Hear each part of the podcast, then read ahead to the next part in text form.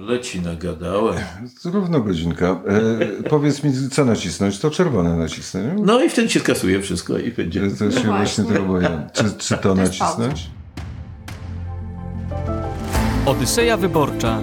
Wywiady Krzysztofa Skowrońskiego. E, Jesteśmy e, no, w wiejskiej, w bibliotece, w gabinecie Bronisława Wilsztajna. Wiejska posiadłość, gdzieś 60 kilometrów od Warszawy. Dzień dobry. 70. Dzień dobry. I mamy porozmawiać o właściwie jakiego wyboru dokonujemy 15 października 2023 roku. No, wybieramy parlament. Wybieramy parlament, ale z tego różne rzeczy wynikają. Mm, Warto by się zastanowić, co jest podstawowym osią sporu. Moglibyśmy tak wyznaczyć tą podstawową oś sporu.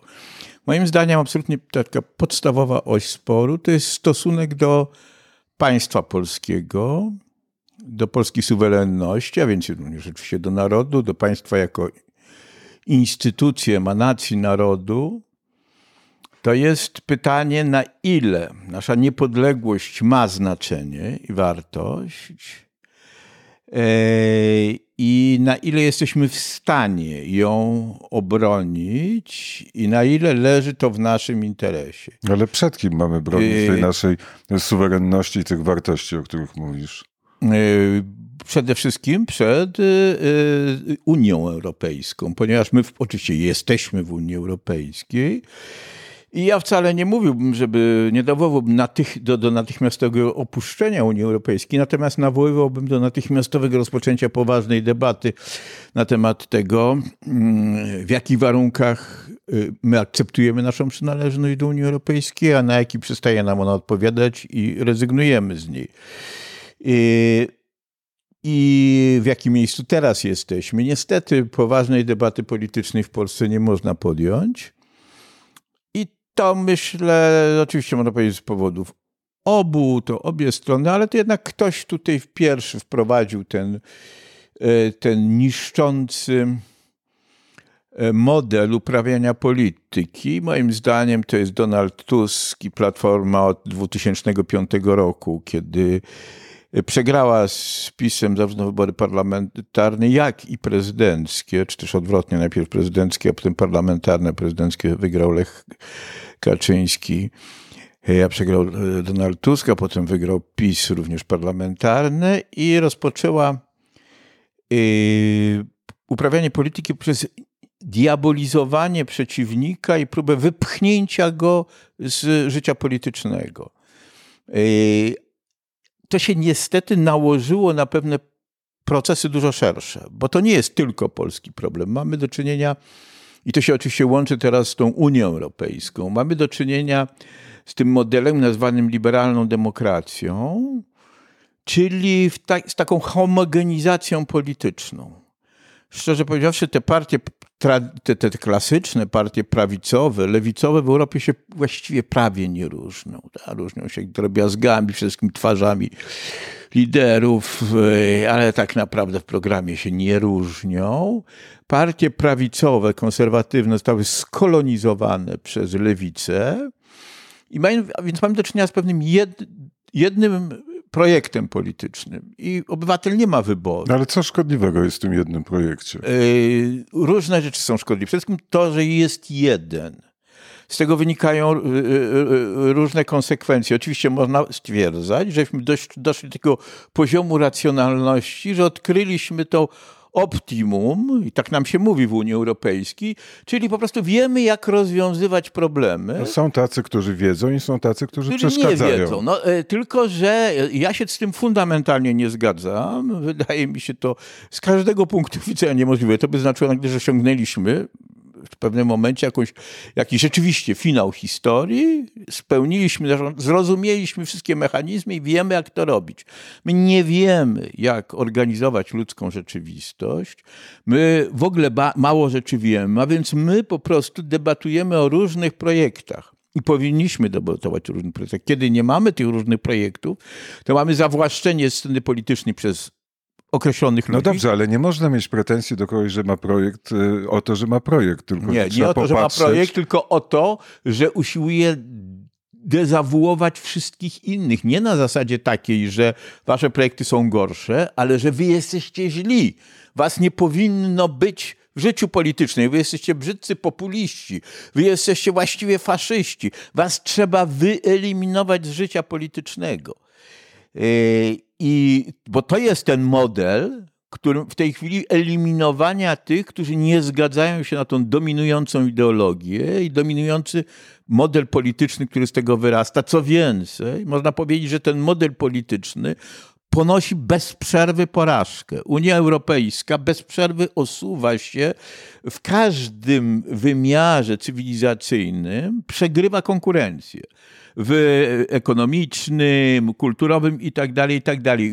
Ostatni, ostatnia cała wojna, w, ta, ta, ta, ta gorąca faza wojny na Ukrainie, w Ukrainie, no, w dużej mierze jest zawiniona przez Europę. Nie w tym sensie, że, że, że, że ktoś w Europie ją wywołał zachodniej, tylko w tym sensie, że umożliwił ją liderzy Unii Europejskiej ją umożliwili. Ale zanim o wojnie na Ukrainie, to jeszcze wróćmy do Unii Europejskiej, do tego, że ta równia pochyła, po której spada ta Unia Europejska w tym globalnym świecie jest e, faktem. Dane z gospodarki e, niemieckiej. Gospodarka niemiecka w najbliższym czasie potrzebuje 200 miliardów euro po to, żeby przemysł samochodowy mógł e, nie zbankrutować albo żeby wrócić do takiej e, e, atrakcji, która jest atrakcją i dla Chińczyków, i dla Amerykanów, i dla, e, i dla reszty świata. No to przyjmujemy tezę. Dobrze, Europa zjeżdża w dół.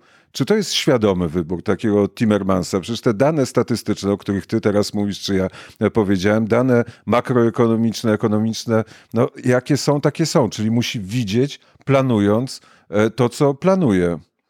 No, to można powiedzieć, jest z pewnością ci liderzy Unii Europejskiej, ta oligarchia nie chce przegrywać. To dlaczego I to nie jest świadome. No, no, dlaczego, a dlaczego, znaczy, komuniści, pole...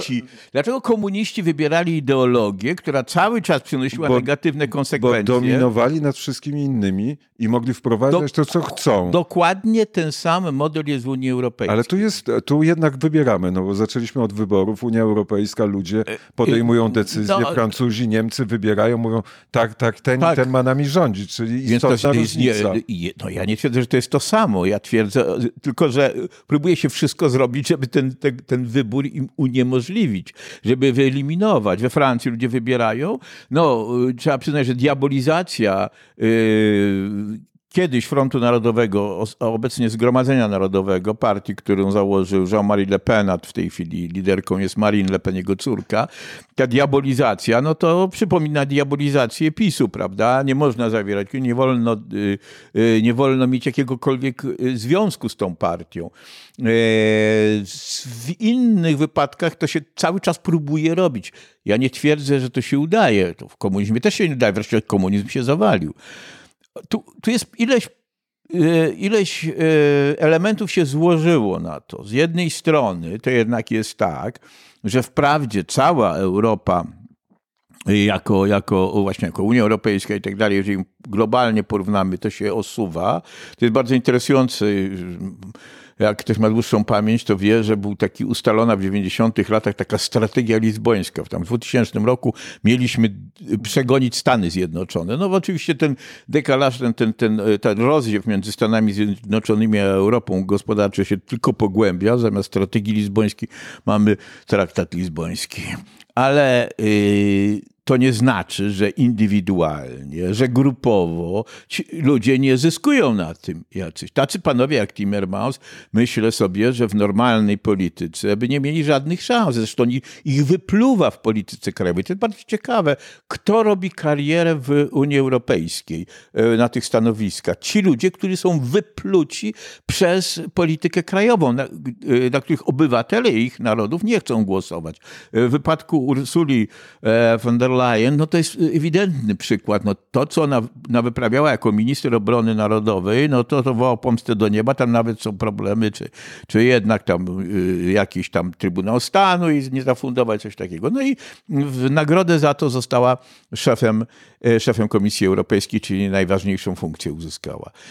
Opisujemy, opisujesz e, sytuację, ja patrzę, bo jesteśmy w twojej bibliotece, nie wiem, czy tu jest 7 tysięcy książek, czy e, więcej, nie wiem, czy udało ci się policzyć, czy wiesz, jaka jest duża twoja biblioteka? Ja, ja nie liczę, bo ja, ja nie liczę książek. Ale... Ja mam to, nie, nie, ja mam dużo więcej książek, bo przecież one są, tam w, sypialni jest drugie tyle, na górze są książki, no jeszcze w, w Warszawie mam trochę książek. Ale widzę e, książkę profesora Legutki o Sokratesie. Profesor Legutko, kiedyś był taki moment, kiedy nie został wpuszczony na Uniwersytet e, Amerykański. Ta e, walka o duszę odbywała się na uniwersytetach. Teraz e, Bronisław Wilstein, który nie skończył żadnego uniwersytetu we Francji, mówi jako konserwatysta, jako obserwator. Ale wiesz o tym, że z drugiej strony jest cała masa wykształconych ludzi, którzy będą mówić zupełnie inaczej niż ty, którzy są zwolennikami projektów europejskich, którzy mówią tak, właśnie powinniśmy postępować. To jest cały ruch i w Polsce też to się zdarzy. Yy, zacząłem od tego, przepraszam, że jednak ja skończyłem ten Uniwersytet Sportu, to, to niewiele znaczy. Bo, A bo skończyłeś? Skończyłem, A... skończyłem jednak. Nie obroniłem pracy magisterskiej, ale skończyłem. Miałem tak zwane absolutorium, ale to nie ma znaczenia. Ale to była Sorbona? To yy, nie, polski, polski Uniwersytet Jagielloński. W Paryżu skończyłeś Uniwersytet Nie, nie, nie, w Polsce, w Polsce, Polsce skończyłem, w Krakowie. W Krakowie. W, w Paryżu nawet miałem pomysł na to, żeby się doktoryzować, ale ponieważ za bardzo byłem zajęty polskimi sprawami, żeby móc to robić. Yy, wracam do tego, że ja proponuję debatę. Ja proponuję, mnie nie interesuje, mnie niespecjalnie imponują tytuły naukowe. Doskonale wiemy, że ludzie z tytułami naukowymi najwyższymi stanowiskami potrafią opowiadać różne bzdury. Doskonale wiemy, że e, ludzie kompetentni w jednych dziedzinach, w innych przestają być kompetentni, etc., etc. I w ogóle nie ma ludzi nieomylnych, którzy doskonale wiedzą. W związku z tym po, powinno się ścierać w debacie. Otóż tej debaty nie ma. Ja tą debatę proponuję, ale nie za bardzo jest z kim ją przeprowadzać. Druga strona odmawia tej debaty. Otóż to nie jest tak, ja parę udało mi się zrobić dyskusji. Na przykład ciekawa była dyskusja na temat, na temat euro, wprowadzenia euro. No przecież to mm, ten pierwszy projekt Donalda Tuska, to e, niewielu pamięta, no to za dużo by mówić, bo pierwotnie on powiedział, wysiadając tam z helikoptera, który go podrzucił w, e, w Krynicy na tym forum ekonomicznym, że w 2011 11, tak. przystąpimy do Unii Europejskiej. Potem do powiedziano... Euro. E, do euro, przepraszam, do, do, do euro, czyli do, do wspólnej waluty. To potem dopiero mu wytłumaczono, że to jest fizycznie niemożliwe ze względu na choćby nie wiadomo, co robili ci wszyscy jego sojusznicy w Unii Europejskiej, to jest niemożliwe formalnie. W związku z tym przełożono to na 2012 rok.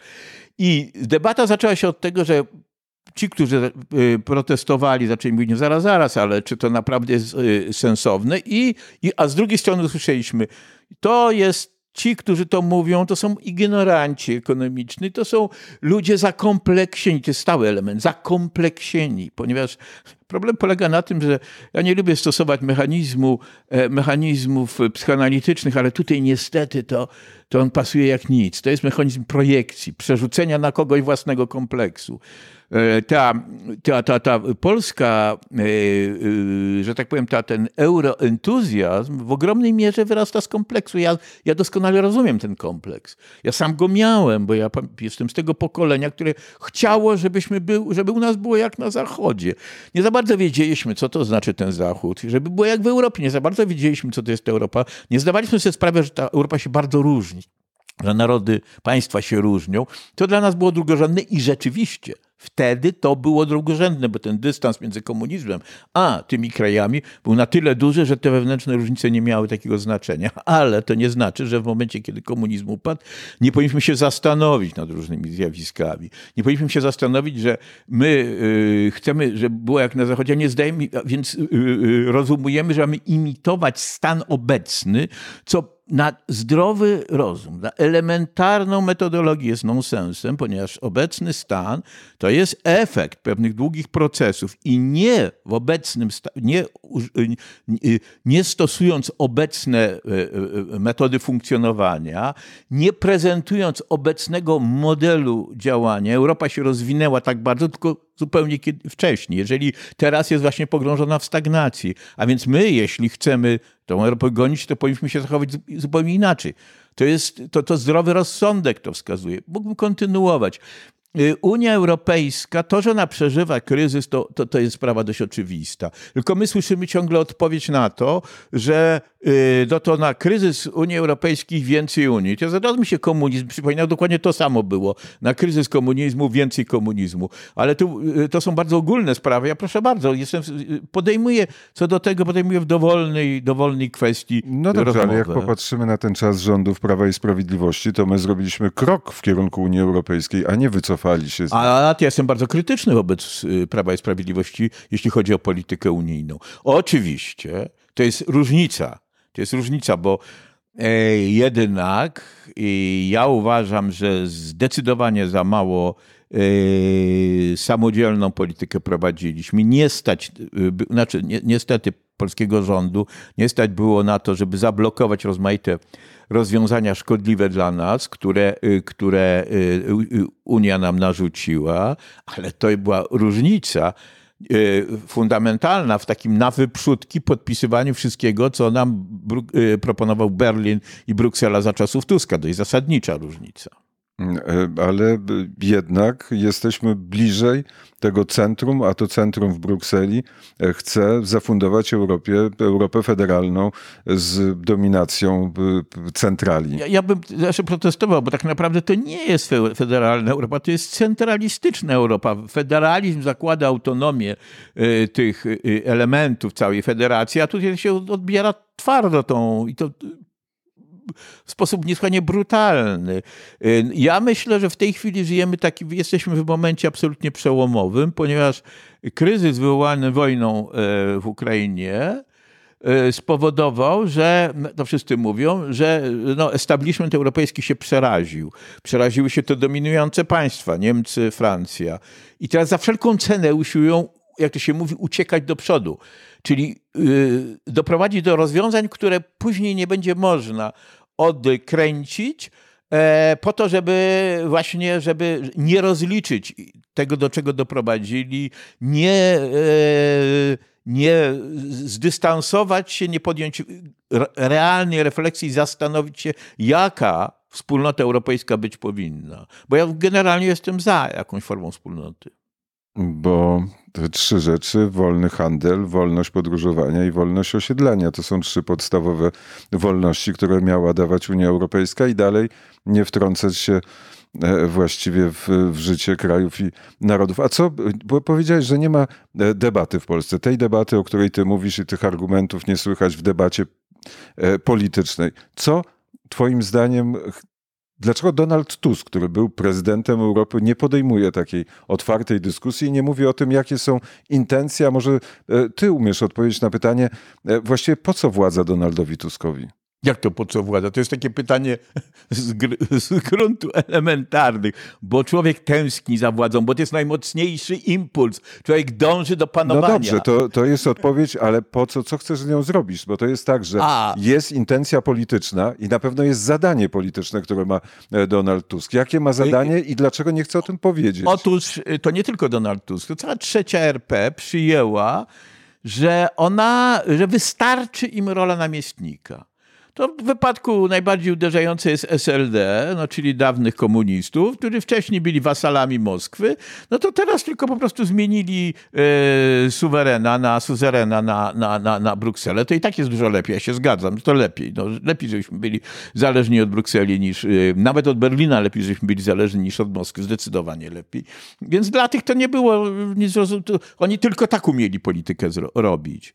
Ale dla innych to wytworzono ten mechanizm, to zresztą jest właśnie, na, który jest oparty na kompleksach, na tym imitacyjnej y, i projekcie modernizacji, y, która właśnie polega na tym, żeby naśladować, jak jest w Europie, y, przyjęto taką zasadę, że, że no, tam wiedzą lepiej, tam są ci mądrzy ludzie na Zachodzie i oni nami lepiej pokierują, a więc powinniśmy im przekazać tą władzę.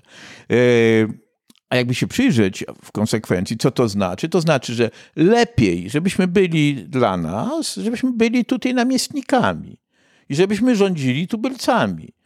No i przy okazji mogli robić dobre interesy na tym, wszelkiego typu. No dobrze, ale I... patrzysz na Polskę i ta Polska się rozwija, tak? Inna Polska była 30 lat temu, inna jest Absolutnie dzisiaj. się rozwija. No i co z tego się rozwija? Kolonie też się rozwijały. Yy, ja nie za bardzo chciałbym żyć w neokolonii, a poza tym uważam, że, że dużo lepiej byśmy się rozwijali, gdybyśmy nie byli neokolonią. A my mamy taki status nieokreślony za czasów właśnie rządów trzeci RP, trze, tych trzecioerpowskich, czyli mówię, trzecia RP w ten sposób określam pewną całą formację, do której prawda, należy ten cały establishment. Nie Prawo i Sprawiedliwość, nie Konfederacja, to w stanie znaczy, że muszę kochać Konfederację, ale to, jest, to, to nie jest oczywiście projekt trzeci RP, czy tam jacyś, można wskazywać jeszcze jakieś innych marginalne ugrupowania. Natomiast takie ugrupowania jak właśnie Platforma Obywatelska, jak SLD, jak PSL, są klasyczne ugrupowania trzeci RP. Są bardzo charakterystyczne, że Platforma Obywatelska startowała jako kontestator. Tylko Tusk doszedł do wniosku, trzeci RP, doszedł do wniosku, że władzy w Polsce utrzymać, wygrać i utrzymać jest bardzo trudno bez porozumienia z establishmentem, który jest bez reszty taki wyrys z okresu postkomunistycznego i jest taki, no tworzy taki oligarchiczny układ, więc najlepiej być emanacją, dogadać się z nimi, reprezentować. No dobrze, to wróćmy do 2005 roku. Czy twoim zdaniem to tylko ambicja polityczna, ta chęć władzy zdecydowała o tym, że nie powstała ta postsolidarnościowa koalicja popisu. Właściwie wyglądało na to 2004 do wyborów, 2000, do wyborów prezydenckich, że jest popis, jest Jan Rokita, premier z, z Warszawy, jak nie Rokita, to jakiś inny i to wszystko zadziała. Można zmienić konstytucję, można wybudować świat według wartości, wtedy Platforma Konserwatywna, Prawo i Sprawiedliwość Partia Konserwatywna, dwie partie konserwatywne odbudowują odbudowują Rzeczpospolitą, tak? Tak, to była prawda. To więcej partie solidarnościowe. To oczywiście ambicje, jak zawsze, nie można od nich abstrahować ale to. Była tylko ambicja. ale nie tylko, nie, nie, nie, nie, w żadnym wypadku.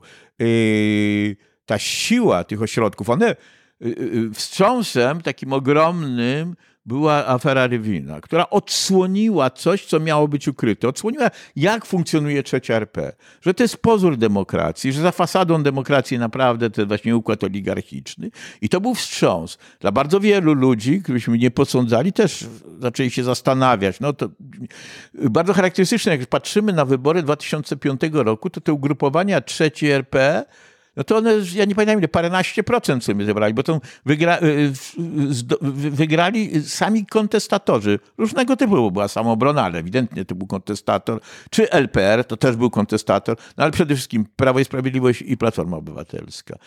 Ale bardzo prędko te ośrodki e, się pozbierały, które miały w rękach no, ogromne e, rezerwuary sił polityczno-społecznych. No to znaczy przede wszystkim wielki biznes, media, ośrodki opiniotwórcze i to tak można wyliczać. I one podjęły kontrofensywę. I w dużej mierze zdyscyplinowały tych, którzy tacy byli, na przykład różnych dziennikarzy, którzy na przykład wtedy, wcześniej, w tym okresie takiego rozchwiania tego też zaczęli myśleć, a to może rzeczywiście wolne media w Polsce są, a potem, a potem sobie uświadomili, że nie ma wolnych Tylko mediów. przypomnijmy, że film o e, trzech kumpli, e, które zrobiła Ewa Stankiewicz, był w TVN-ie. To trochę przypadek był, ale ja myślę również o takich postaciach, jak Tomasz Lis, czy jakiś inny, to bardzo zabawne, jak się sobie przypomni koleje tych ludzi. I, i, więc mówię jeszcze raz, to była kontrofensywa wzmocniona bardzo przez właśnie z zewnątrz. Przez takie ale co, że, że Donald Tusk, który był tym człowiekiem, który nawet kiedyś w wywiadzie dla przekroju został zapytany przez Najsztuba, to kto, kto pana zdaniem miał rację w 92 roku? Macierewicz czy Michnik? I odpowiedział Macierewicz, tak? Macierewicz, to była jego odpowiedź. No, Tusk wtedy bardzo różne rzeczy przeżył, przeżywał. Przeżył nawrócenie religijne. Ja osobiście znam Tuska, ja pamiętam takie, tam parę rozmów z nim. Wtedy on wtedy wzywał do, do radykalnej ilustracji, do ujawnienia wszystkich danych i PN-owskich. E, bardzo prędko mu przeszło. Doszedł do wniosku, że Ale to jest. to mu przeszło, czy to mu, Przeszło mu, czy to mu on- przeszli? No to mu przeszli, to mu przeszło to na jedno. To, był, to jest człowiek do, do, do gruntu cyniczny. To Ale jest, to nie, to w moim pytaniu jest już zawarta taka myśl o tym, żeby e, powiedzieć, czy jest w Polsce e, ta warstwa pociągająca za sznurki. Czy jest ktoś, kto tym wszystkim steruje? nie.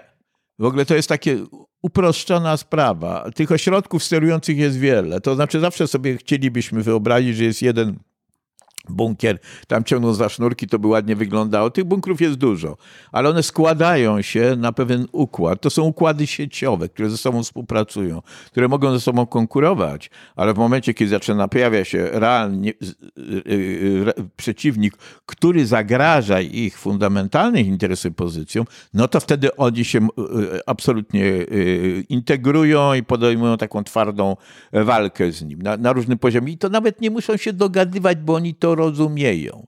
To stąd jest, to jest zresztą cała ta ideologia, prawda? Y, To można by opisywać. Cała ideologia, cały liberalizm ten współczesny, to jest, który, który właśnie uderza w tożsamości. Tożsamość i skąd to się bierze? No, y, y, to jest na przykład, dlaczego jest tak, że wielki biznes jest rzecznikiem tej ideologii, która tam jest właśnie lewicowa, która bardzo dużo ma retoryki antykapitalistycznej, etc. No otóż wielki biznes, nie dlatego, że tam właśnie siedzą tacy ludzie, którzy, którzy wymyślają to wszystko i oni sobie głęboko wymyślili, że trzeba rozbić tożsamości, żeby lepiej sprzedawać towary, nie. To z, polega na czym zupełnie innym. Polega na tym, że biznes działa na takiej zasadzie współcześnie, że usiłuje właśnie sprzedawać towary, co jest dużo trudniej, bo pewne elementarne potrzeby zostały zaspokojone. Więc się buduje strategie marketingowe, buduje się e, pewne modele życia, które umożliwiają sprzedaż takich, a nie innych towarów. Tradycyjne e, modele kulturowe są, blokują taki pęd konsumpcyjny. Tradycyjne tożsamości, religia, toż, tożsamości wspólnotowe, one to blokują, bo mają etosy wpisane, gdzie, nie, gdzie, gdzie, gdzie istnieją inne porządki oprócz tego konsumpcyjnego. A więc to jest apel do tego, że jesteś indywiduum, które się ma samorealizować, które ma sobie zasłużyć na więcej. A co to znaczy ma zasłużyć na więcej? A to znaczy ma więcej towarów. To jest, jesteś wolny. A na czym polega twoja wolność? Że masz prawo wybierać sobie dowolne towary i nikt ci nie może się wtrącać do tego. I nikt ci nie ma prawa ograniczać tego, że będziesz sobie wybierał kolejne towary i wymieniał je bez przerwy i że to będzie jedyny cel twojego życia, jedyny model twojego życia. I przepraszam, tylko skończę to. Ci ludzie się nie porozumiewają, ci, którzy robią te, te, te, te strategie. To się tworzy pewien cały wielki układ. To się tworzy pewien model rozumienia świata, postrzegania i funkcjonowania w tym świecie. A jak e, Bronisław Wilstein definiuje słowo wolność? to jest złożona sprawa, wolność. Dlatego, że i, to, i klasyczni myśliciele doskonale sobie zdawali sprawę, że nie można jej sprowadzić wyłącznie do wymiaru negatywnego, czyli od, który z pewnością również istnieje, ale również, czyli y, wolności od nakazów i zakazów. Ale pełna wolność od nakazu i zakazu to jest wolność od kultury, to jest uwolnienie człowieka, to jest wyzwolenie człowieka z jego ludzkiej kondycji, która jest kondycją wspólnotową, kulturową. Kultura istnieje poprzez, poprzez e, partykularne e, warianty, a więc poprzez wspólnoty, w których istnieje, które nakładają pewne etosy, ograniczenia. Wolność jest zjawiskiem kulturowym. Jeśli zlikwidujemy kulturę, no to redukujemy się do stadium animalnego i wtedy jesteśmy wydani na pastwę e, naszych popędów. No nie za bardzo wiem, czy to jest osiągnięcie wolności, a nam się tak sprzedaje w tej chwili wolność. Więc wolność jest bardzo skomplikowana sprawa, złożona i nie ma, jak we wszystkich sprawach, y, prostych takich algorytmów, które by podsuwały to. Wolność to jest ludzka wolność to jest zdolność tworzenia świata wokół siebie na miarę swoich pragnień. Po to ja muszę współpracować z innymi ludźmi. Więc się otwiera ta przestrzeń wolności pozytywnej. I znowu, mówię, tu jest cały czas jest ta gra pomiędzy tym, czy jak daleko ja wyrzekam się swojej wolności indywidualnej na rzecz wolności wspólnotowej. Nie ma żadnych prostych rozwiązań tego. To jest stała, stałe napięcie. No zobacz, jak, jak trudno, bo słowo wolność jest słowem kluczowym tak naprawdę przy każdych wyborach. E, jak, w jak skomplikowany sposób wytłumaczył Bronisław, wolność, e, Bronisław Wilstein wolność, a Owsiak, rób ta co chce ta. Dużo prostsza definicja wolności, która trafia, która jest taką obecną w debacie publicznej. Jak ktoś mówi wolność, to znaczy mam tą wolność do wszystkiego. No przecież to jest, przecież to jest nonsens, któremu przeczy sam Owsiak. Rób ta, co chce ta, ale okazuje się, że nie e, w momencie, na przykład nie, może, nie mogę eksponować, nie mogę e, walczyć z e, aborcją. Rób ta, co chce ta, z aborcją już nie mogę walczyć. Nie mogę eksponować z płodów abortowanych, bo to przeszkadza komuś daję pierwszy z brzegu przykład, ale tych można by tych przykłady mnożyć, prawda? Yy, więc yy, okazuje się, nie ma czegoś takiego jak rób ta, co chce ta. To jest, to jest właśnie sprowadzenie, yy, prymitywizowanie fundamentalne ludzkiego życia, które oczywiście nie da się tak sprymityzować, ale to bardzo łatwo w ten sposób manipulować. Tacy ludzie bardzo łatwo manipulują, mówią, to jest twoja wolność. Ale to nie jest tak, że właśnie konserwatyści przegrali bitwę o definicję słowa wolność w takim powszechnym odczuciu. Przegrali w dużej mierze. W dużej mierze przegrywają cały czas, bo to, jest, to jest, są różne antropologie. Ja przepraszam, że ja mówię tak skomplikowane rzeczy, bo ja rozumiem, że mówię do rozumnych y, słuchaczy. Jakby miał obowiązek y, mówić y, tak y, to na nie była, to, to, nie była, to nie była uwaga do komplikacji, tylko pokazanie różnicy, tak, że ty starasz się wyjaśnić słowo wolność, a tu jest no tak, proste ale hasło rób ta, co chce. Ale, ale dlatego odpowiadam, tamto to jest po prostu mistyfikacja i fałsz. Mistyfikacja i fałsz. Nie ma nic takiego prostego w ludzkim życiu. Nam się wmawia ciągle, że właśnie osiągnęliśmy jak to algorytmy, czyli takie formuły idealnie funkcjonowania. Na przykład polityka wtedy już nie będzie potrzebna, bo tam się mówi, bo specjaliści będą rządzić. A może właśnie ona przeżywa swój regres, tak jak cała demokracja. Widzisz, potęga Chin, potęga Arabii Saudyjskiej, pewne wycofanie się, e, znaczy strata pewnych dominacji ze strony Stanów Zjednoczonych, myślę o gospodarce, o globalnym rynku, czy nawet o sile militarnej. Ta demokracja po prostu zamienia się w coś zupełnie innego, ja, w zarządzanie. Ja nie jestem yy, bałwochwalcą demokracji. Od tego tylko bym zaczął. Co nie znaczy, że, że nie uważam, że demokracja nie jest optymalna we współczesnym świecie, bo tak uważam, że w tym wydaje mi się, że jest optymalna. Znaczy, ale ja na pytanie, jaki ustrój najlepszy, to wydaje mi się, że najlepszą odpowiedź yy, sześć wieków przed Chrystusem dał Solon, który powiedział, dla kogo i kiedy. Demokracji w pewnych warunkach nie da się wprowadzić w systemach e, e, plemiennych, rodowych, nie da się wprowadzić demokracji i bardzo prosto, dlatego że, że ludzie żyjący na wspólnym terytorium wcale nie traktują się jako współobywatele, ale jako przedstawicieli różnych plemion i starają się dobrze dla swojego plemienia, a kosztem innych plemień. Dlatego tam się nie da stworzyć demokracji.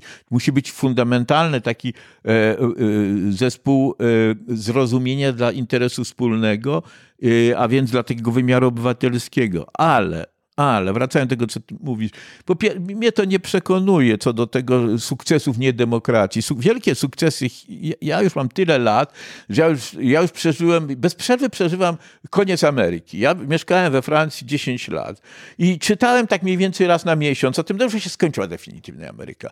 A już na pod, pod, koniec, y, pod koniec lat 80., no to już wszyscy mówili, że o tym się nie mówi, bo to jest tak oczywiste. Kto wtedy wygrał z Ameryką? Pytanie dla słuchaczy. Już nie pamiętamy. Japonia wygrała z Ameryką, a jak kupili Japończycy Chryslera, ten, y, ten, ten y, wieżowiec w Nowym Jorku, to miał być widomy symbol. Notabene od 90 roku, to był ten pierwszy kryzys japoński, ona jest cały czas pogrążona w stagnacji. To jest bardzo bogaty, y, silny kraj, ale pogrążona w permanentnej stagnacji, przestała się rozwijać i to, to problemy. Jeżeli chodzi o Chiny, E, Chiny w tej chwili jakoś też niespecjalnie się dobrze rozwijają. To jest dość wyraźnie postępujący e, regres ekonomiczny, znaczy regres w tym w stosunku do tego, co było. E, ja, ja, ponieważ żyję tak długo, to mnie ten entuzjazm dla Chin, ja miałem też pewną rezerwę. To znaczy, z jednej strony pełne uznanie dla ich dynamicznej rozwoju, tylko że jak się zaczyna z bardzo niskiego poziomu, to łatwo się rozwijać, a potem zaczyna być trochę trudniej. I e, jeżeli patrzymy na dług wewnętrzny chiński, to on jest monstrualny. To nigdzie takiego wewnętrznego długu nie ma. Y, jeżeli patrz, no, możemy tam wyliczać inne rzeczy, problemy demograficzne teraz, które uderzyły w Chiny. W związku z tym uważajmy z tymi y, zachwytami, bo to od razu się Nie, mówi... to ja nie myślałem o zachwycie, tylko o takim kryzysie systemu Nie, ale demokratycznego. kryzys systemu polega przede wszystkim na tym, że demokracji nie ma, że nam się sprzedaje coś, co nie jest demokracją, jako demokrację. To coś, co się nazywa demokracją liberalną, jest coraz mniej demokracją i dąży się do tego, żeby była jeszcze mniej demokracją. To znaczy, to jest właśnie model oligarchii. No bo widziałem definicję, że to e, ten, który się nie zgadza na demokrację liberalną jest populistą, a populista No. jest przeciwnikiem e, No, demokracji no, w ogóle, no. więc nie można wypowiadać innych zdań, bo wtedy stajesz się No, populistą właśnie, to jest- to jest i ten poziom jesteś de- wykluczony z To debaty jest ten poziom debaty, a ja odpowiadam na to, że e, na czym polega demokracja liberalna? Że proszę mnie zdefiniować. I nagle okazuje się, że to jest przede wszystkim rozbudowanie systemu e, e, prawnego, taki, takiego wyobrażenia, to znowu, że wszystko da się regulować prawnie. To jest absurdem. Ludzka rzeczywistość zawsze była regulowana poprzez kilka systemów. Prawny model jest, jest, jest bardzo. e, Jest, za dużo gadam?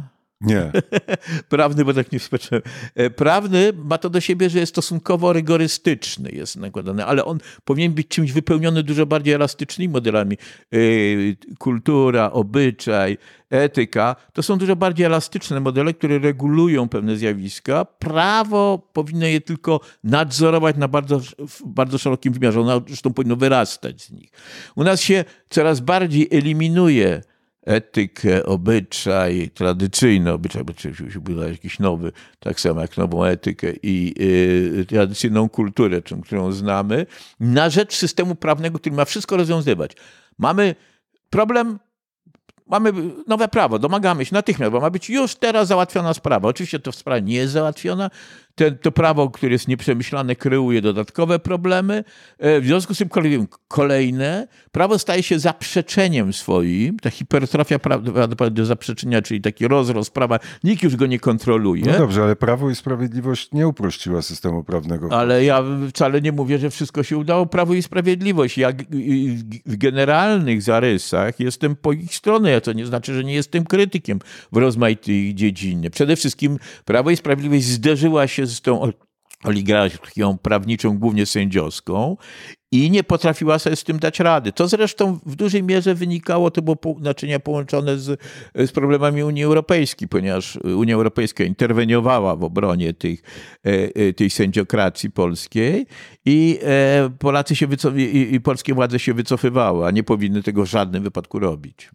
E, Gdybyśmy rozmawiali w 2019 roku, to może tutaj byśmy postawili kropkę, ale nie możemy tej kropki postawić, bo mamy wojnę e, na Ukrainie, mamy e, granicę polsko-białoruską, mamy już bez Prigorzyna, ale Wagnerowców ciągle po drugiej stronie tej granicy, no i mamy Putina. I to, czy to nie jest największe zagrożenie?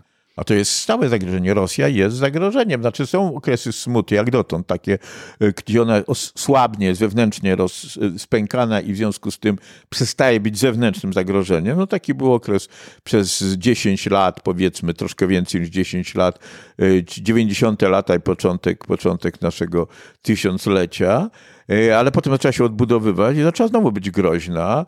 Y, Z bardzo prostej y, przyczyny. To jest jej model funkcjonowania kulturowego. Znaczy, ona musi przegrać i to tak zasadniczo, bo wszystkie klęski, to ciekawe klęski Rosji powodowały zawsze tam reformy wewnętrzne, zmiany, ale to wszystko były takie częściowe klęski. To zresztą jest bardzo ciekawe, bo komunizm był wymierzony w carat w dużej mierze. Ci, którzy robili rewolucję październikową, nienawidzili y, Rosji. Rosji, nie tylko caratu, Rosji. Nienawidzili Rosji, ale zostali, to jest właśnie ciekawe, oni wymyślili, no, komunizm jest utopią, który się nie da zrealizować, a więc kiedy się realizuje, to okazuje się, że trzeba się odwoływać do czegoś, co jest. I, I okazało się, że zostali skolonizowani przez imperialną ideę rosyjską, którą realizowali nie Rosjanie. Stalin nie był Rosjaninem, tam Chruszczow nie był Rosjaninem, tak ale realizowali tą ideę ruską. E, a teraz to robią Rosjanie, znowu już przyzwoicie, po Bożemu. Odwołują się do Pana Boga oczywiście teraz już. E, no więc z tym mamy fundamentalny problem z Rosją, ale to nie tylko jest tak, dlatego że w tej chwili żyjemy w erze no jednak bardzo poważnego takiego konfliktu światowego. Te Chiny jednak osiągnęły, to jest no, niesamowity, ogromny kraj, jednak półtora miliarda e, ludności, e, ogromnym potencjale. Mamy do czynienia z, y, on jest skaliowany z, z Rosją, chociaż nie tak ostentacyjnie, bo oni zawsze są bardzo ostrożni, ale coraz bardziej Rosja jest jego wasalem. E, Wielu, znaczy to zimna wojna między tym układem chińsko-rosyjskim, plus tam można do, a- aliantów dołączać, oczywiście to, to jest Korea Północna, to jest Iran, ale coraz bardziej również inne kraje, które poszukują tam, prawda, gdzie są, pojawiają się różni despoci, różne oligarchie, które nie chcą, prawda, e, które nie chcą trzymać się pewnych zachodniego modelu funkcjonowania, bo jednak, co by nie mówić, ja jestem bardzo krytyczny wobec całego tego, e, e, tego, tego, tego tej formuły praw człowieka, ale ona jednak odwołuje się do pewnego zasadniczego porządku e, moralnego, który, który jednak jest taki uniwersalny w miarę i, i, i jakoś cywilizował. I tutaj mamy taki bardzo mocno przeciwstawiający się temu blok, coraz silniejszy. I na przykład ten kryzys chiński, o którym mówiłem, może być przyczyną, dla którego Chiny uciekną w agresję. To znaczy, jeżeli Xi Jinping się dojdzie do wniosku, że ten, te- problemy wewnętrzne są prawie nie do przezwyciężenia, no to będzie on integrował wokół no, nacjonalizmu Chiny i zaatakuje na przykład Tajwan. A to będzie początek już takiej gorącej, może być, początek gorącej e, wojny globalnej z wszystkimi tego przerażającymi konsekwencjami. Więc my żyjemy w bardzo niestabilnym czasie, bo e, z jednej strony to wcale to zagrożenie wcale nie powoduje, że należy przymykać się na zagrożenia wewnętrzne Zachodu, bo to, że Zachód jest tak słaby, to wynika właśnie z tego powodu, że się jest rozkładany wewnętrznie przez ideologię e, tą, des, tą destrukcyjną, ja, która nie ma nazwy, ja ją nazywam, e, to jest taka liberalno-lewicowa ideologia, ja ją nazywam ideologią emancypacji, ponieważ fundamentem, słowem kluczem jest dla niej emancypacja. E, No to jest taka destrukcja tego świata. My żyjemy jednak w momencie delikatnie mówiąc, kryzysu chrześcijaństwa. I to są, no to, to, to jak patrzymy na procesy, które trwają już jednak setki lat, no to one mniej więcej konsekwentnie podążają w jednym kierunku. E, Bez względu na to, czy ktoś jest wierzący, czy nie jest wierzący, jeśli nie jest zaczadziały e, ideologicznie albo nie jest kretynem, to doskonale wie, że cywilizacja, cywilizacja zachodnia, europejska jest wyrosła na chrześcijaństwie, związana z chrześcijaństwem. Śmierć cywilizacji chrześcijańskiej no to jest śmierć naszej cywilizacji. Nie wiemy, co będzie dalej.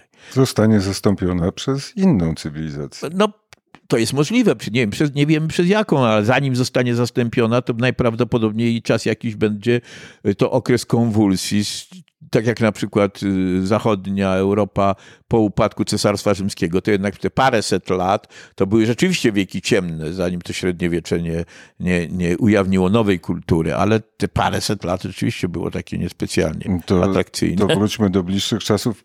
Pewno e, zadawałeś sobie pytanie, co by się stało, albo co się stało, co, co by się stało, gdyby Ukraina przegrała z Rosją wojnę. No, y, stałoby się bardzo na każdym poziomie. Po pierwsze, bym to byłaby ogromna krzywda dla tego narodu i to trzeba popatrzeć po prostu nie z tej perspektywy, ale patrzymy z naszej. To by znaczyło, że e, jesteśmy bezpośrednio zagrożeni. Zresztą my i tak jesteśmy bezpośrednio zagrożeni, bo Rosja zdaje sobie sprawę, że my, że nasz udział w tej wojnie jest bardzo duży. Ja śmiem twierdzić, że jeśli Polska zachowałaby się inaczej, to Ukraina by się nie obroniła, to nie tylko pomoc amerykańska, ale oczywiście pomoc amerykańska najważniejsza, ale to również ta pomoc amerykańska dzięki polskiemu pośrednictwu i dzięki temu, że Polska od razu się bardzo zaangażowała, no można by dużo mówić. W każdym razie Rosjanie doskonale o tym wiedzą, Putin doskonale o tym wie, w związku z tym on podejmuje rozmaite działania, Rosja podejmuje wymierzone w Polskę, ale oni doskonale wiedzą, że my jesteśmy barierą dla ich tego imperialnego rozwoju. W związku z tym będzie, jeżeli by upadła Ukraina, to my będziemy kolejnym krajem, y, który, który ona będzie chciała podbić. Ona, ona już próbuje to robić na różne sposoby, pośrednio.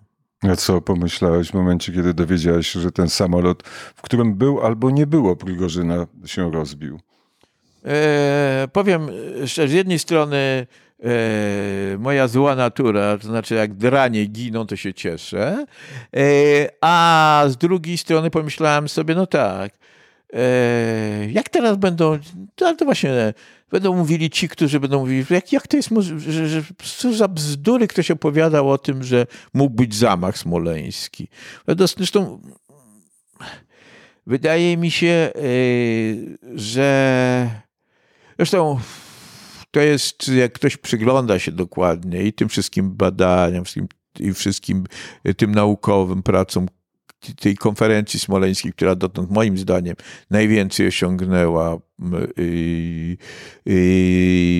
tych naukowców, głównie emerytowanych profesorów polskich, ponad setki, która za własne pieniądze robiła te przez ileś lat pracę i doszła do wniosku, że innej yy, nie można hipotezy obronić niż zamach.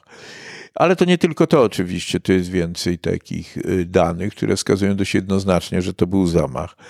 I to, że większość Polaków się tego, to jest znowu taki trochę, trochę psychoanalizy zbiorowej y, zjawisko. To znaczy, y, nie chcemy się przyznać do tego, że daliśmy się y, oszukać, że zachowaliśmy się jak głupcy, że zachowywaliśmy, a czasami więcej niż jak głupcy. Nie dlatego, żeśmy chcieli się tak zachować, tylko dlatego, żeśmy zostali zmanipulowani, ale chcemy obronić swoją, swoje wyobrażenie. W związku z tym E, bronimy się przed, przed tym e, rozliczeniem e, sprawy smoleńskiej i to jest bardzo śmieszne, bo ja myślę, że to wbrew temu, co się opowiada, ta sprawa smoleńska ciągle bardziej gra na stronę trzeciej RP Tuska and Company niż na stronę, niż, niż dla Znaczy ci, którzy wierzą w to, że to nie był zamach, są w większości. Tego nie wiem. Natomiast w większości są ci, którzy to mocno deklarują i będą tego bronić. E, reszta, w mniejszości są ci, którzy będą bronili tezy przeciwnej. E, myślę, że część jest taka zastraszona, która będzie milczała. 4 e, czerwca 1989 roku były pierwsze, wiadomo, nie w pełni wolne wybory. Bronisław Wilstein wrócił z Paryża, przyleciał do, e, do, do Krakowa, rozpoczął życie w III Rzeczpospolitej. Ja w jakich punktach e, twoim zdaniem następowały takie zwroty twojego myślenia na temat rodzącej się niepodległej Polski? To był proces, to był proces, to, był, y, to jednak trwało dość długo. No, znaczy długo. No, mogę się pochwalić, że w 92 roku napisałem taki bardzo duży tekst o potrzebie dekomunizacji, który usiłowałem naiwnie jak upchać w tygodniku powszechnym, ale zwodzili mnie, a potem, wiedziałem, że nie mam co próbować oczywiście w gazecie wyborczej, to już wiedziałem, ale yy, ale wreszcie to dzięki Szumowskiemu, mojemu kumplowi z dawnych lat Maćkowi, który miał wpływy w gazecie, wybor, w gazecie krakowskiej, został opublikowany. Yy, wbrew wszelkim yy, zdrowym, zdrowemu rozsądkowi. To był bardzo długi tekst, w związku z tym to było ileś blach. A w 1992 roku Maleszka pracował tam? Tej... Tak, był wicenaczelnym i napisał wielką polemikę z tym tekstem. Yy, mówię to po to, że jednak już w 1992 mniej więcej wiedziałem o co chodzi, ale tak, ja przyjechałem z emigracji. Moi przyjaciele jednak to był głównie ci ludzie wokół koru, tygodnika powszechnego i oni mi prezentowali pewną spójną wizję rzeczywistości, z którą, tak, po pierwsze teoretycznie mi tu różne rzeczy nie pasowały, a po drugie bardzo prędko, jako szef Radia Kraków, zacząłem postrzegać różne y, y, rzeczy, które y, praktyczne, które tutaj się zaczynają zderzać, te, tej dominującej narracji, teorii i tak dalej z tym. E, I, e, ale cały czas byłem przywoływany do porządku, tu była perspektywa emigrancka, myśmy tu walczyli, ty tam byłeś i teraz się mądrzysz za bardzo. I rzeczywiście, no miałem takie kompleksy, no jednak ja byłem w Paryżu, oni ryzykowali, siedzieli po więzieniach i jakoś nie wypadało za bardzo mi, to wymagało trochę czasu, żebym odważył się wprost zakwestionować tam różnych moich dawnych przyjaciół, Adama Michnika, ale to, to, to postępowało tak krok po kroku. Ja ten 92 rok mówiłem jako pewien już przełomowy. Wtedy, wtedy już, że tak powiem, byłem po drugiej stronie. Ale wcześniej to, to tak, no, miałem sprawę, y, sprawę Staszka Pyjasa, y, obserwowałem proces z Markiem i obserwowałem, jak działa polski wymiar sprawiedliwości trzeci RP i po prostu yy, o czym mi się robiły jak spotki. No i takich masę rzeczy. Zobaczyłem swoich dawnych przyjaciół, którzy mówili, że po co rozwiązywać radiokomitet, no przecież to dobrze funkcjonuje. Byli źli ludzie, a teraz przyszli dobrzy ludzie, no to cieszmy się. Zresztą tutaj w jeszcze tygodnik mi opublikował w 90 roku taką pierwszą polemikę, byłem zresztą w ramach Radiokomitetu, na które mi Dworak odpowiadał właśnie w Tygodniku Powszechnym na temat, ja miałem, że trzeba natychmiast rozwiązać Radiokomitet. No i takie mógłbym mówić, to, to był proces. To był e, proces, a jeszcze w tym e, procesie coraz większe było uczestnictwo Bronisława Wilsteina. To teraz się odwołam do słynnej listy Wilsteina, bo e, wtedy poznałeś właściwie już wiedziałeś, ale naocznie się przekonałeś, jak działają media w Polsce. No tak, ja już to trochę wcześniej widziałem, bo widziałem, no ale wtedy to, nie, wtedy to jeszcze to był niezły czas. Tak, nie, to był taki czas przełomowy, jeszcze wielu ludzi tam wystąpiło w mojej obronie. To, to, to, to nie było tak źle. To wcześniej było bardziej za, za, za, zabetonowane. Ja pamiętam, jak jak rozpieprzali, jak rozpieprzano życie Warszawy, myśmy budowali życie, no to, to, to było to ciężkie. I ja pamiętam, jak na przykład wyleciałem... Z Wołkiem. Y, y, tak, tak. No, mogę śmiało powiedzieć, że mam świadków, że miałem bardzo poważny udział, będę powiem skromnie, w budowie tego nowego dziennika, z którego zostałem wicenaczelnym, ale bardzo prędko Tomasz Wołek po roku mi podziękował za pracę, mówiąc, że tracę pracę, ale nie tracę przyjaciół, czym mnie głęboko wzruszył. I ja, to był 97 rok i ja tak sądzę, że coś tam we łbie mia miałem. Ja znałem choćby kilka języków, znałem troszkę na ten. Usiłowałem iść do pracy w różnych miejscach i się odbijałem jak piłka. To też było takie interesujące. Usiłowałem zgłosić się tu z programem, a tu radio, a tu telewizja. No to już, ale już byłem, już byłem takim, więc już, już ja, ja y, na własnej skórze przerabiałem, jak wyglądają media trzeci RP. No właściwie dopiero w 95 roku nastąpił pierwszy przełom. To znaczy jak... W 2005, przepraszam, po zwycięstwie e, praw... Nie, no to, dla mnie, dla mnie to... to byłeś, jeszcze była przed ja Rzeczpospolita.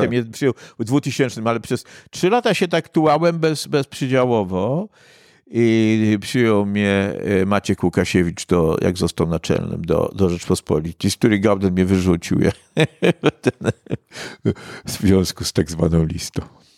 Jesteśmy w Twojej bibliotece. Czy potrafiłbyś wśród tych tysięcy książek, które przeczytałeś, bo zakładam, że te e, książki, wszystkie, które tutaj, albo prawie wszystkie przeczytałeś, e, czy jest pięć, bez których nie byłoby sposobu myślenia Bronisława Wilsteina? Nie, jestem w stanie tak powiedzieć, zupełnie nie jestem w stanie tak powiedzieć. Znaczy, nie, nie, oczywiście nie wszystkie dokładnie przeczytałem, wszystkie przejrzałem, większość przeczytałem i nie, nie jestem w stanie powiedzieć, nie jestem tego w stanie powiedzieć. To też się odkłada w czasie, w różnych momentach. Więc, więc nie, nie, nie. A czym się różni wiejskie życie od miejskiego? Oj, zasadniczo się różni. To znaczy, e, nie wiem od czego zaczynać. Tu się, tu rozumiem, że jestem cząstką świata, który mnie radykalnie przerasta. W mieście tego się nie czuje. Człowiek żyje w sztucznym świecie stworzonym przez człowieka, który go zamyka. W mieście się nie widzi nieba. E, nie widzi się nieba, no bo formalnie się je widzi, ale naprawdę to nie jest żadne niebo, to tam coś tam świeci, ale tego się nie czuje zupełnie. To jest łuna, światła specyficzne, sztuczna. Tu ja wychodzę w nocy i ja widzę niebo. E, I, i, nie tylko. To daje poczucie takie głębsze obcowania ze światem, który przerasta mnie i daje mi również poczucie takiego ładu, świata, którego oczywiście nie rozumiem do końca wcale, ale który jednak istnieje, który na przykład objawia mi się poprzez piękno świata. To jest niesłychanie ważne. I, yy, i tu mam dystans do rozmaitych, yy, dystans do, do, do, do, do, do, do, do tej gonitwy codziennej.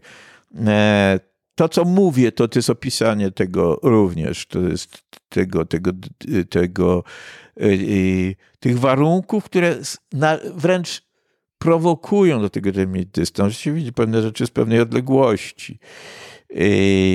No tu w związku z tym mam dużo, dużo więcej czasu, w związku z tym mogę sobie czytać i, i, i więcej piszę i więcej czytam. Oczywiście od tego, co ja yy, piszę, to ja jednak muszę dużo czytać. I zresztą robię to z ogromną przyjemnością. To jest. I więc yy, doskonale orientuję się, że mogę bez ilu rzeczy, które wydawałoby się, że nie mogę żyć, mogę się obyć. Yy, inaczej sobie reguluję relacje z ludźmi, to znaczy nie mam ciągle na głowie tego, tego, tego yy, tłumu ludzi. Zresztą yy, jak byłem mieszczuch, kochałem miasto, więc potrzebowałem tego, e, więc to musiałem dojść, zestarzeć się do tego, żeby, żeby nabrać dystansu. Teraz miasto mi w ogóle niewiele oferuje. No ale to już mówię, no jednak w tym mieście spędziłem swoje, no tu na starość przyjechałem.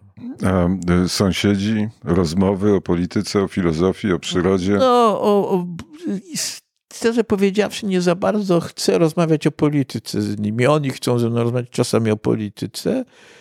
E, jedni są, no tak zawsze, ale nie, no to rozmowy są zwykle, ja mam dobre relacje, ale rozmowy są takie raczej kurtuazyjne.